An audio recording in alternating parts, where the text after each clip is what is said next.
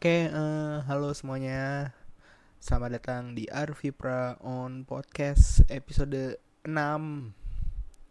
Sudah 6 episode di SoundCloud di SoundCloud di SoundCloud pun kalau nggak salah udah ini deh, udah udah limit. Sebentar, gue cek. Ya, gue cuman punya 19 menit lagi di SoundCloud tapi itu tidak berarti rilisan kali ini hanya 19 menit karena episode yang lama akan gue hapus digantikan dengan episode yang baru.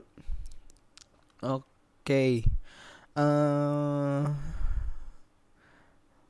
minggu kedua Januari nih banyak ya isu yang beredar. Katanya SoundCloud mau bangkrut, terus uh, entah itu katanya mau dibeli sama Google uh, atau apa pokoknya uh, SoundCloud uh, apa terdapat kesulitan keuangan lah pokoknya. Ya kalau misalkan tiba-tiba uh, SoundCloud ini apa mati ya kayak Fine uh, itu nggak berarti kalian semua yang masih dengerin ini nggak bisa dengerin lagi sih Kenapa? Karena kalian bisa cek di arvipra.my.id untuk episode-episode Arvipra on podcast yang sebelum-sebelumnya. Karena episode yang lama nggak akan gue taruh di SoundCloud karena kuota itu tadi kuota 2 jam. Uh, dan juga ada forum diskusi jadi kalian bisa ngobrol-ngobrol di sana dan segala macam. Kalau misalkan kalian menggunakan iPhone uh, kalian bisa nah, dengerin ini di aplikasi podcast kalian. Cukup search Arvipra on podcast. Di situ ntar ada uh, podcastnya. Subscribe. Biar ntar ada notifikasi kalau misalnya ada episode baru walaupun kalian tahu ini akan tayang akan terbit setiap Selasa pagi. Tapi ya nggak apa-apa subscribe aja dan kalau misalkan kalian pakai Android itu kalian bisa coba cari uh, aplikasi podcast. Kayak misalnya kalau gue yang gue pakai itu uh, namanya apa ya? Namanya podcast Republic. Terus juga ada ya ada banyak lah aplikasi buat dengerin podcast di Android. Nah itu juga dia tuh terkoneksi sama si uh, iTunes podcastnya itu. Jadi uh, apa kalau misalkan di iTunes podcast itu ada berarti di aplikasi podcast di Android itu juga ada gitu. Kayak gitu. Ya kalau misalkan kalian kalau misalkan kalian via aplikasi itu juga bisa kalian download. Terus kalau misalkan apa namanya ya bisa kalian download. Kalian download menggunakan wifi terlebih dahulu terus kalian dengerinnya di jalan setelah nanti biar nggak boros kuota juga nggak apa-apa gitu kan. Uh, ya terkait kuota juga ini sedih juga sih apa?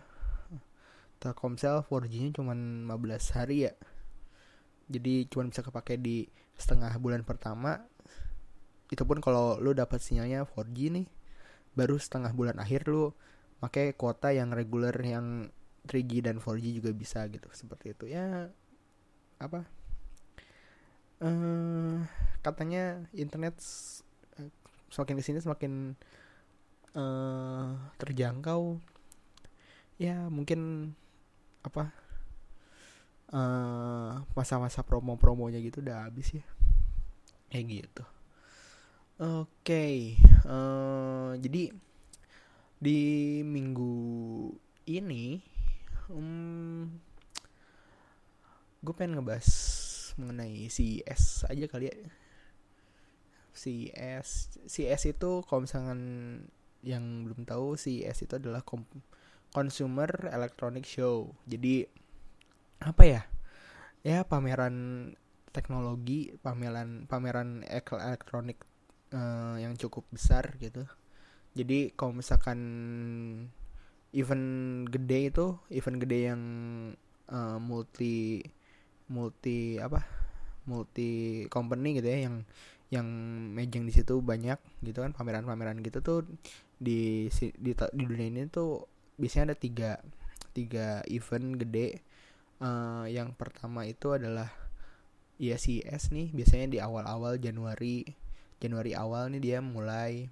Terus nanti uh, selanjutnya tuh bakal ada MWC Mobile World Congress. Itu juga uh, ada lagi pameran lagi di situ. Terus juga nanti uh, yang terakhir yang ketiga itu di E3 uh, E3 E3 itu ya itulah. Di E3 juga selain apa? Selain elektronik juga biasanya ngebahas mengenai game juga karena uh, salah satu i-nya itu kepanjangan dari entertainment. Uh, mana ya? Ntar gue search dulu ya. I3 nah i3 ini i3 ini Electronic Entertainment Expo jadi emang yang dikhususkan untuk entertainment aja sih sedangkan yang di CES dan MWC ini uh, elektronik yang umum seperti itu. Nah, jadi di CES 2017 ini dilaksanakan di Las Vegas tanggal 5 sampai tanggal 8 kemarin. Uh, gimana ya? Gue ngerasa CES yang sekarang nih nggak terlalu greget-greget banget sih, nggak terlalu wah-wah banget. Uh, maksud maksud gue uh, ya itu apa um, gimana ya? Nggak terlalu astonishing banget itu nggak nggak ya apa ya mind blowing lalala segala macem. Uh, decent lah uh, cukup uh, kayak gue bacanya kayak oke okay, gitu oke. Okay. uh, seperti itu. Oke okay, uh, ya udah kita bahas aja ya. Jadi yang pertama itu uh, ada Intel ngeluarin arsi, bukan arsitektur uh, generasi terbaru baik itu prosesor maupun chipset motherboardnya. Uh, prosesornya menggunakan codename Kaby Lake ke generasi ketujuh uh, itu tuh uh, apa ya jadi Intel ini biasanya kalau misalkan yang gue lihat uh, fabrikasi yang sebelum-sebelumnya itu dia menggunakan apa ya istilah namanya TikTok gitu ya. Tik itu uh, arsitektur, Tok itu optimization. Uh, di generasi ketujuh ini dia ngeganti itu jadi uh, proses arsitektur dan op, apa optimization seperti itu. Jadi ada bakal ada tiga tahap untuk seperti untuk ke depannya seperti itu. Jadi dulu awalnya dulu uh, misalkan kayak apa ya uh, bahasa gampangnya sih gini sih rata rata-rata tuh uh, apa uh, yang desktop nih in prosesor Intel yang desktop itu available di angka-angka genap kayak misalkan generasi ada uh, dua gitu kan dua empat dua itu Sandy Bridge empat itu Haswell. Nah uh, sebelumnya juga ada yang nggak nggak ada apa nggak empat digit cuma tiga digit doang. Terus juga baru habis Haswell uh, ternyata nggak lanjut ke lima tapi langsung ke enam itu Skylake. Tapi di sisi lain ada juga seri-seri yang bernomor ganjil kayak misalkan tiga lima tujuh puluh gitu itu Ivy Bridge itu berarti optimisasi dari si Sandy Bridge. Sedangkan yang sekarang nih uh, KB Lake optimi optim optimasi dari si Skylake. Seperti itu sih. Uh, dan ternyata pas waktu di uh, bandingin sama Skylake misalkan i7 6700K dibandingin sama i7 7700K uh, kenaikan performance-nya nggak terlalu signifikan bedanya beda banget sih. Uh, cuman yang yang pasti adalah uh, si prosesor kayak Bilek ini dia dengan fabrikasi yang sama uh, hybrid which means TDP-nya uh, suhu suhu kerjanya uh, sama dengan Skylake tapi si frekuensi dari prosesornya yang gigahertz gigahertz itu kecepatan prosesornya uh, lebih tinggi bisa lebih tinggi gitu. Kayak uh, dan itu tuh berlaku di kemampuan over overclock overclocknya. Di mana si KB Lake ini uh, dengan menggunakan teknik standar ya uh, dia bisa dengan gampangnya mencapai 5 GHz di i7 7700K seperti itu. Hmm, ya bedanya cuma di situ aja sih sebenarnya.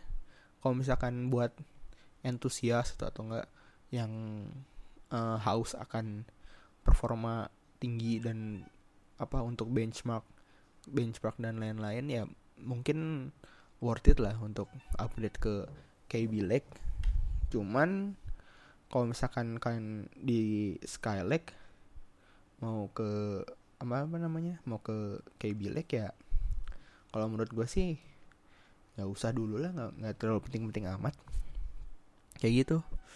Uh, apa ya? Ya nggak performance yang didapat sama harga yang harga harus beli beli, beli baru lagi dan segala macam. Cuman kalau misalkan kalian sekarang belum ada PC atau misalkan kalian PC kalian udah jadul banget mau upgrade ya bisa apa bisa disarankan menggunakan uh, si KB Lake ini gitu kan. Walaupun gue pikir Skylake ini nanti harganya cukup turun dan cukup murah juga. Nah mengenai chipset chipset yang eh chipset soket yang di digunakan juga masih sama 1151 hmm, dan terus juga apa namanya uh, kalian pakai prosesor si kayak bilek ini bisa di di motherboard lama kalian dan vice versa juga si motherboard yang baru nih 270 uh, eh, seri 2 seri 2 nih Z270 uh, H270 B250 sayangnya nggak ada nggak ada H 210 uh, berarti berarti uh, ya apa untuk untuk entry level motherboard di KB Lake mungkin nanti ada apa si pro apa ya yang bikin motherboard itu ntar bikin tetap di H H110 dengan BIOS yang terbaru sehingga bisa menggunakan prosesor KB Lake kayak gitu sih. Nah, uh, jadi kalian kalau misalkan uh, H1 H110 nih misalkan make uh, prosesornya Pentium atau Intel i3 6100 kalian mau upgrade ke uh, apa namanya? i5 7600 ya silakan silakan aja. Pasti bisa asalkan si motherboardnya udah di uh, update BIOSnya. Uh, dan juga vice versa. Yang menjadi perbedaan antara Z apa seri misalkan katakanlah Z270 bandingkan sama Z170 itu ternyata beda di teknologi. Kalau misalnya teknologi adalah fitur-fitur terbaru di yang Intel tambahin di, di Z270 gitu. Kayak misalkan di Z270 ini uh, ada yang namanya Intel Optane terus apalah pokoknya yang berkaitan dengan memori segala macam gitu. Ya ya apa fitur-fitur itu itu aja sih yang bikin beda sih. Sisanya sih sama aja. Oh ya sama ini apa PCI PCIe lensnya kalau misalkan yang Z270 itu bisa sampai 24 uh, PCIe lens kalau misalkan si Z170 itu cuma 20 ya cuma beda itu aja kayak ya berarti kalau misalkan uh, apa konfigurasi uh, multi GPU bisa menggunakan lane yang lebih tepat lebih apa lebih lebih optimal gitu seperti itu. Ya itu sih dari KB Lake. Terus uh, dari lawannya nih juga ngenalin prosesor yang kasih dikasih nama po codename Ryzen dan uh, apa VGA card Vega. Nah terus juga diliatin motherboard nanti motherboard dengan soket AM4 itu codename serinya itu X370 uh, nah untuk di AMD Ryzen dan GPU Vega ini di demoinnya tuh dia dibandingin sama Intel 6900K uh, sorry. Uh, ya dibandingin sama Intel 6900K uh, di mana itu prosesor prosesor ini ya prosesor entusias uh, ya kalau buat gaming mah mubazir banget kalau pakai prosesor kayak gitu. Kecuali kalau misalnya kalian uh, apa membut emang membutuhkan uh, pemrosesan tingkat tinggi seperti itu baru ya pakailah 6900K nah Nah, uh, si 6900K ini dibandingkan sama Ryzen ini performance-nya cukup sebanding. Permasalahannya adalah yang gue tonton di video-video di YouTube. Ya sebenarnya ini konten ini kalian kalau misalkan nge-search di YouTube juga ada juga sih nggak usah dengerin juga. Tapi ya ya udahlah. Kalian kan oh apa plusnya adalah dapat opini dari gue. Uh, saya mana tadi? Nah ya jadi kalau di video-video yang gue tonton tuh um, dia nge-benchmarknya tuh pakai game game uh, Mass Effect Andromeda kalau nggak salah. Kayak gitu game sedangkan se seperti yang komsen yang yang gue tahu sih uh, untuk untuk benchmarking game di PC uh, eh, ya gimana ya bahasanya ya? Kayak kayak lu apa resource game resource prosesor yang dipakai uh, untuk game itu kalau lu pakai uh, sekelas i5 aja itu tuh udah cukup tinggi gitu. Jadi katakanlah pada saat lo menggunakan i5 dan i7 performancenya dalam gaming itu nggak terlalu begitu kelihatan banget. Seperti itu. Nah ini masalahnya ini dibandingin itu pakai game. Tapi gue nggak tahu apakah ada video-video review yang lain eh video apa ya bukan review video liputan CS yang lain yang menggunakan yang memperlihatkan benchmark si Ryzen dan Vega ini menggunakan apa tidak menggunakan game seperti itu Terus di motherboard X370 ini juga uh, akhirnya si AMD ini bisa menggunakan DDR4 ya. Setelah berapa ditinggal berapa bulan. Jadi di bulan di awal-awal Skylake keluar motherboard yang Skylake harus udah DDR4 uh, eh, dan lain-lain. Si AMD kan belum ngeluarin seri yang baru gitu kan dia masih berkutat di uh, soket AM3 plus dan FM2 plus di mana dua-duanya masih menggunakan DDR3 hmm.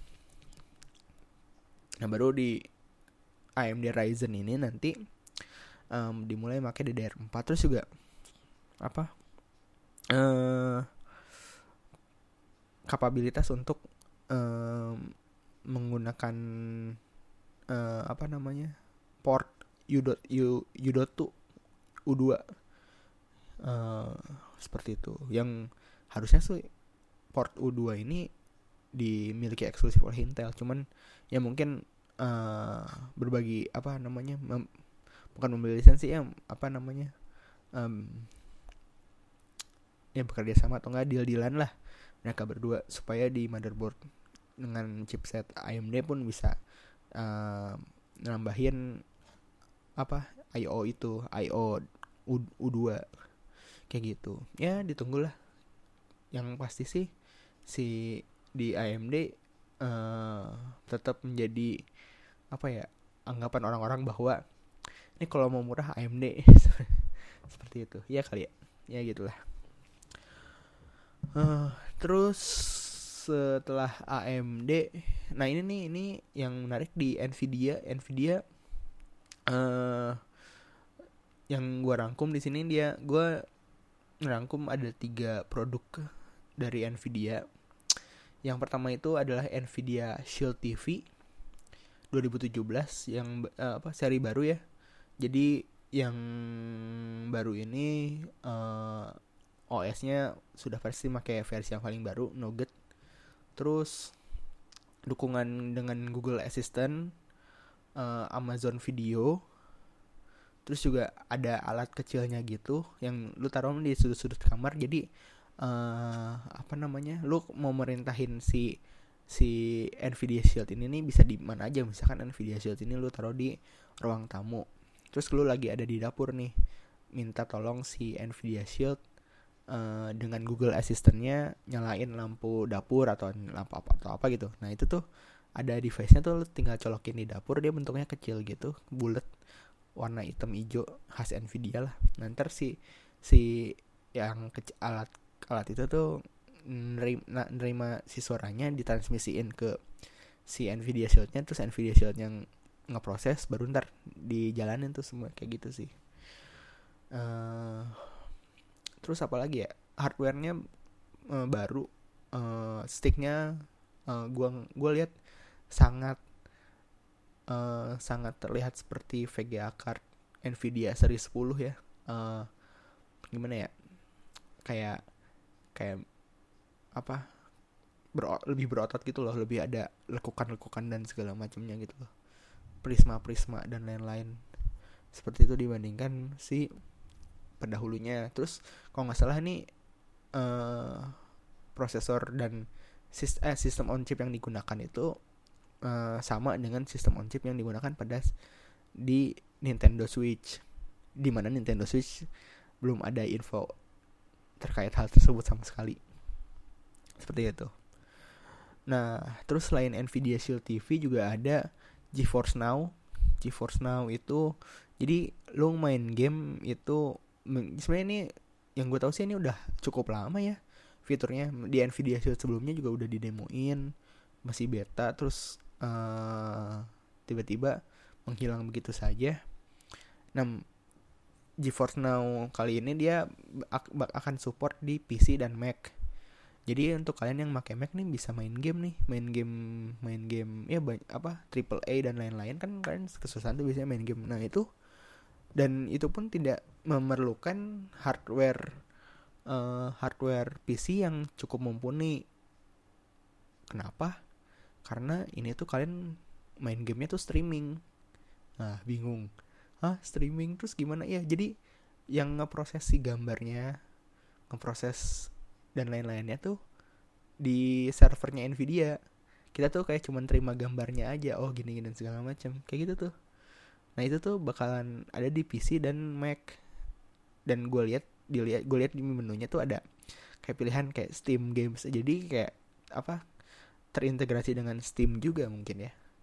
Jadi ya itu kalian nggak usah tuh upgrade mahal-mahal buat main game PC terus. Yang penting uh, punya apa download aplikasi GeForce Now mungkin berbayar berbayar uh, per bulan langganan. Tapi ya udah gitu ya kalian main game aja. Uh, requirement terutama paling pentingnya sih uh, kecepatan internetnya kalau nggak salah. Disebutkan minimal itu kalian memiliki kecepatan internet sebesar 25 megabit. Di ya 25 megabit kalau misalnya di Indonesia nih berapa ya kira-kira internet 25 megabit? Ntar ya gue search. Niat banget nih gue Nge-search internet seperti ini. Nih Ini gue coba yang pakai vendor My Republic ya. Bukan promosi. Cuman kalau misalkan My Republic mau kerja sama sama gue Gue uh, akan pertimbangkan. Oke, okay, nah ini nih. Ini My Republic ini dengan harga 260.000 kalian bisa mendapatkan internet dengan 50 megabit per second. Seperti itu. Kalau misalkan yang naik ke 279.000 50 megabit per second juga tapi uh, dia uh, uplink sama downlinknya sama. Jangan kalau misalkan kita coba cek First Media ya kita ngecek doain aja lah ya. Capek juga. Ya telkom apa telkom juga ngasih apa namanya uh, ya ini apa uh, fiber optik fiber optik. Ah ke ke rumah gua aja nggak dapet fiber optik. Duh mana sih ini? Oke. Okay. uh, Nah ini nih kita baru bisa mendapatkan inter internet dengan di, di atas 25 Mbps tuh di combo Supreme X1 HD dengan kecepatan 30 Mbps. Oke, okay, kalau misalkan kita lihat uh, ininya, uh, ini nggak ada lah di sini. Ya punya itulah, udah udah sekarang harus paketan semua. Ya kayak gitu. Uh, ya apakah kalian rela untuk membayar segitu per bulan untuk main game seenak jidat kalian? Atau tidak ya itu pilihan kalian gitu kan. Nah itu tuh GeForce Now. Terus yang yang ketiga itu ada Nvidia kerjasama dengan Audi untuk membuat uh, eh, self driving car di mana dikasih lihat itu prosesornya seperti apa dia bisa memproses segala macam dia bisa ngecek uh, apa namanya uh, kita belok apa nyalip kiri tuh kapan yang tepat dan segala macam nah seperti itu tuh. Ya mungkin eh gue nggak tahu ya kalau misalnya Indonesia bisa menerapkan self driving car atau enggak dengan jalanan yang yang ya kalau misalkan di jalan tolnya oke okay lah. Kalau misalkan tapi kan kita kan walaupun kebanyakan orang Indonesia kan ja, apa tinggalnya kan di rumah yang masuk gang masuk masuk masuk masuk segala macam gitu kan. Ntar ada tukang sayur lah ada ini bisa bisa kan malah mobilnya diem gitu. Dia ngeliat kayak waduh ini banyak banget gangguan nggak bisa ngapa-ngapain. Seperti itu. Eh belum terus yang apa ya aduh ini kondisi tapi nggak apa-apa. Ya belum ntar ada uh, ibu-ibu bawa motor gitu kan. Apakah si apakah si mobilnya itu mendeteksi sebagai uh, seseorang menaiki motor atau ibu-ibu menaiki motor. Jadi kalau misalkan ibu-ibu bawa motor apa uh, ngasih sign ke kiri oh si mobilnya langsung oh ini ibu-ibu naik motor oh berarti dia mau ke kanan kayak gitu kali ya. Terus selain itu juga ada HTC Vive wireless VR jadi uh, kelemahan VR di mana si headsetnya itu harus nyambung sama kabel dengan wireless ini uh, ya namanya juga wireless ya bukan bukan ya wireless itu kan berarti kan kabelnya jadi dikit les gitu kan. Uh, jadi ya sebenarnya masih ada kabel cuman ya uh, kita lihat lah. Walaupun gue nggak percaya nggak nggak terlalu into it VR banget sih. Lalu ada Dell XPS 2 in 1 uh, ini tuh laptop ya dari, dari namanya XPS ya berarti ini uh, laptop seri tertingginya dari Dell. Uh, two in one di sini berarti dia bisa punya dua mode yaitu mode tablet sama mode laptop biasa. Nah, uh, yang gue suka dari Dell XPS 2 in 1 ini adalah dia pada saat di apa di dipakai dengan mode tablet yaitu dilipat 360 derajat. Si keyboardnya itu masuk ke dalam. Jadi ya memang nggak akan mungkin tidak sengaja tertekan oleh kita gitu kan.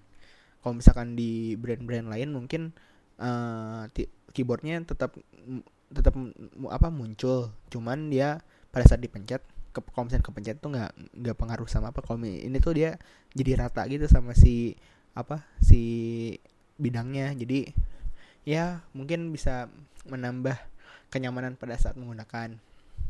Terus uh, ada juga Razer Project Valerie. Jadi lap laptop cuman punya triple screen gitu. Uh, jadi apa namanya ya tiga screen gitu tengah kanan kiri. Uh, jadi kalau misalnya main game lebih imersif gitu lah uh, cuman yang gue bingung ini apakah benar bisa eh benar bisa apakah akan menjadi produk yang akan dijual? Atau cuman buat pamer-pameran aja nih Razer bisa gini nih segala macam. Ya itu nggak tahu sih. Soalnya ya laptop kan sebenarnya kan penggunaannya kan buat ini kan buat mobilitas. Kalau misalkan kayak gini kan buat apa? Kayak gitu. Nah terus juga ada Acer Predator 21X ini laptop termahal. Nggak tahu sih ada yang lebih mahal lagi nggak ya. Pokoknya harganya tuh 9000 dolar. Uh, yang diunggulkan di sini adalah satu layarnya yang uh, ultra wide dan curve. Jadi dia 21 banding 9 terus uh, melengkung kayak monitor biasa, tapi ini laptop gitu. Seperti itu. Lalu juga di dalamnya ada uh, di, di apa tenaga tenaga VGA-nya dipakai sama uh, GTX 1080 dalam mode konfigurasi SLI. Jadi ada dua uh, GTX 1080 di situ. Sisanya sama-sama aja dan segala macam. Cuman yang emang difokuskan adalah si layar curve ultrawide-nya. Walaupun resolusinya uh, di 2000, 2560 kali 1080 di mana ya maksudnya di situ sebenarnya tanggung banget ya. Udah dikasih tenaga kerja oleh GTX 1080 mode SLI gitu kan. Kenapa nggak uh, apa 1440p aja gitu? Atau enggak uh, 4K ultra wide dan segala macam padahal kan harusnya mumpuni karena GTX 1080 aja tuh tuh udah cukup mumpuni untuk mengerjakan apa memainkan game dalam mode VR. Nah itu aja sih. Kalau mungkin kalau misalkan resolusinya lebih tinggi, harganya bisa lebih mahal lagi kali ya. Uh, nah terus juga mengenai layar, ada juga nih dari Dell, uh, Dell monitor dengan resolusi 8K. Uh, gimana ya? Gue ngeliatnya kayak wah ini uh, sebenarnya untuk untuk gaming belum ke sana cuman yang bisa kepake banyak adalah ke konten kreator atau uh, apa entusias yang memang membutuhkan layar dengan resolusi setinggi ini. Nah emang 8K itu fungsinya buat apa aja? Buat apa resolusi gede-gede di layar itu kan? Nah ya bayangin aja misalkan kita mau ngedit sebuah video. Nah, uh, terus dengan 8K ini kita bisa bikin berbagai macam apa namanya window uh, yang ngambil dari kamera yang berbe ber berbeda-beda dengan resolusi 1080p. Lalu di apa diberikan uh, ada window lagi buat si final project. Jadi kita kayak kayak untuk untuk melihat semua ininya apa footage footage-nya itu lebih jadi lebih asik aja. Jadi pas waktu editing juga lebih gampang. Oke okay, uh, eh, karena udah 30 menit juga terima kasih yang udah mendengarkan. Yaitu tadi sedikit rekap dari CES 2017 uh, belum ada info mengenai Nintendo Switch belum ada info mengenai di bidang konsol gamer belum. Terus juga untuk HP juga belum ada yang ini sih. Hmm, paling yang menarik itu ada Asus Zenfone AR dia ponsel uh, dengan teknologi Google Tango yang baru. Uh, ya Tango itu jadi dia uh, secara dia bisa ngelihat kedalaman dari suatu ruangan atau suatu suatu objek tertentu uh, sehingga menambah uh, experience dalam menggunakan augmented reality seperti itu. Uh, dia juga didukung dengan apa, apa uh, fitur daydreamnya Android, daydreamnya Android. Jadi uh, untuk konten VR juga cukup mumpuni. Seenggaknya berarti uh, handphone dengan fitur daydream bertambah satu. Seperti itu. Saat ini tuh yang rilis resmi itu cuman Google Pixel dan Google Pixel XL aja yang mendukung Daydream. Terus yang paling aneh sih sebenarnya ada ada smart shower. Jadi ya shower tapi connected ke internet terus kita bisa kontrol via HP dan ya sebenarnya gitu sih. Ya gitulah ya, ya itu tadi recap dari CES 2017 uh, semoga dengan adanya ini apa ya kalian bisa melek teknologi. Ya udah uh, kalau kalian suka ya silahkan like silahkan komen silahkan subscribe. Tapi gue sih lebih pengen kalian menyebarkan ini ke teman-teman kalian.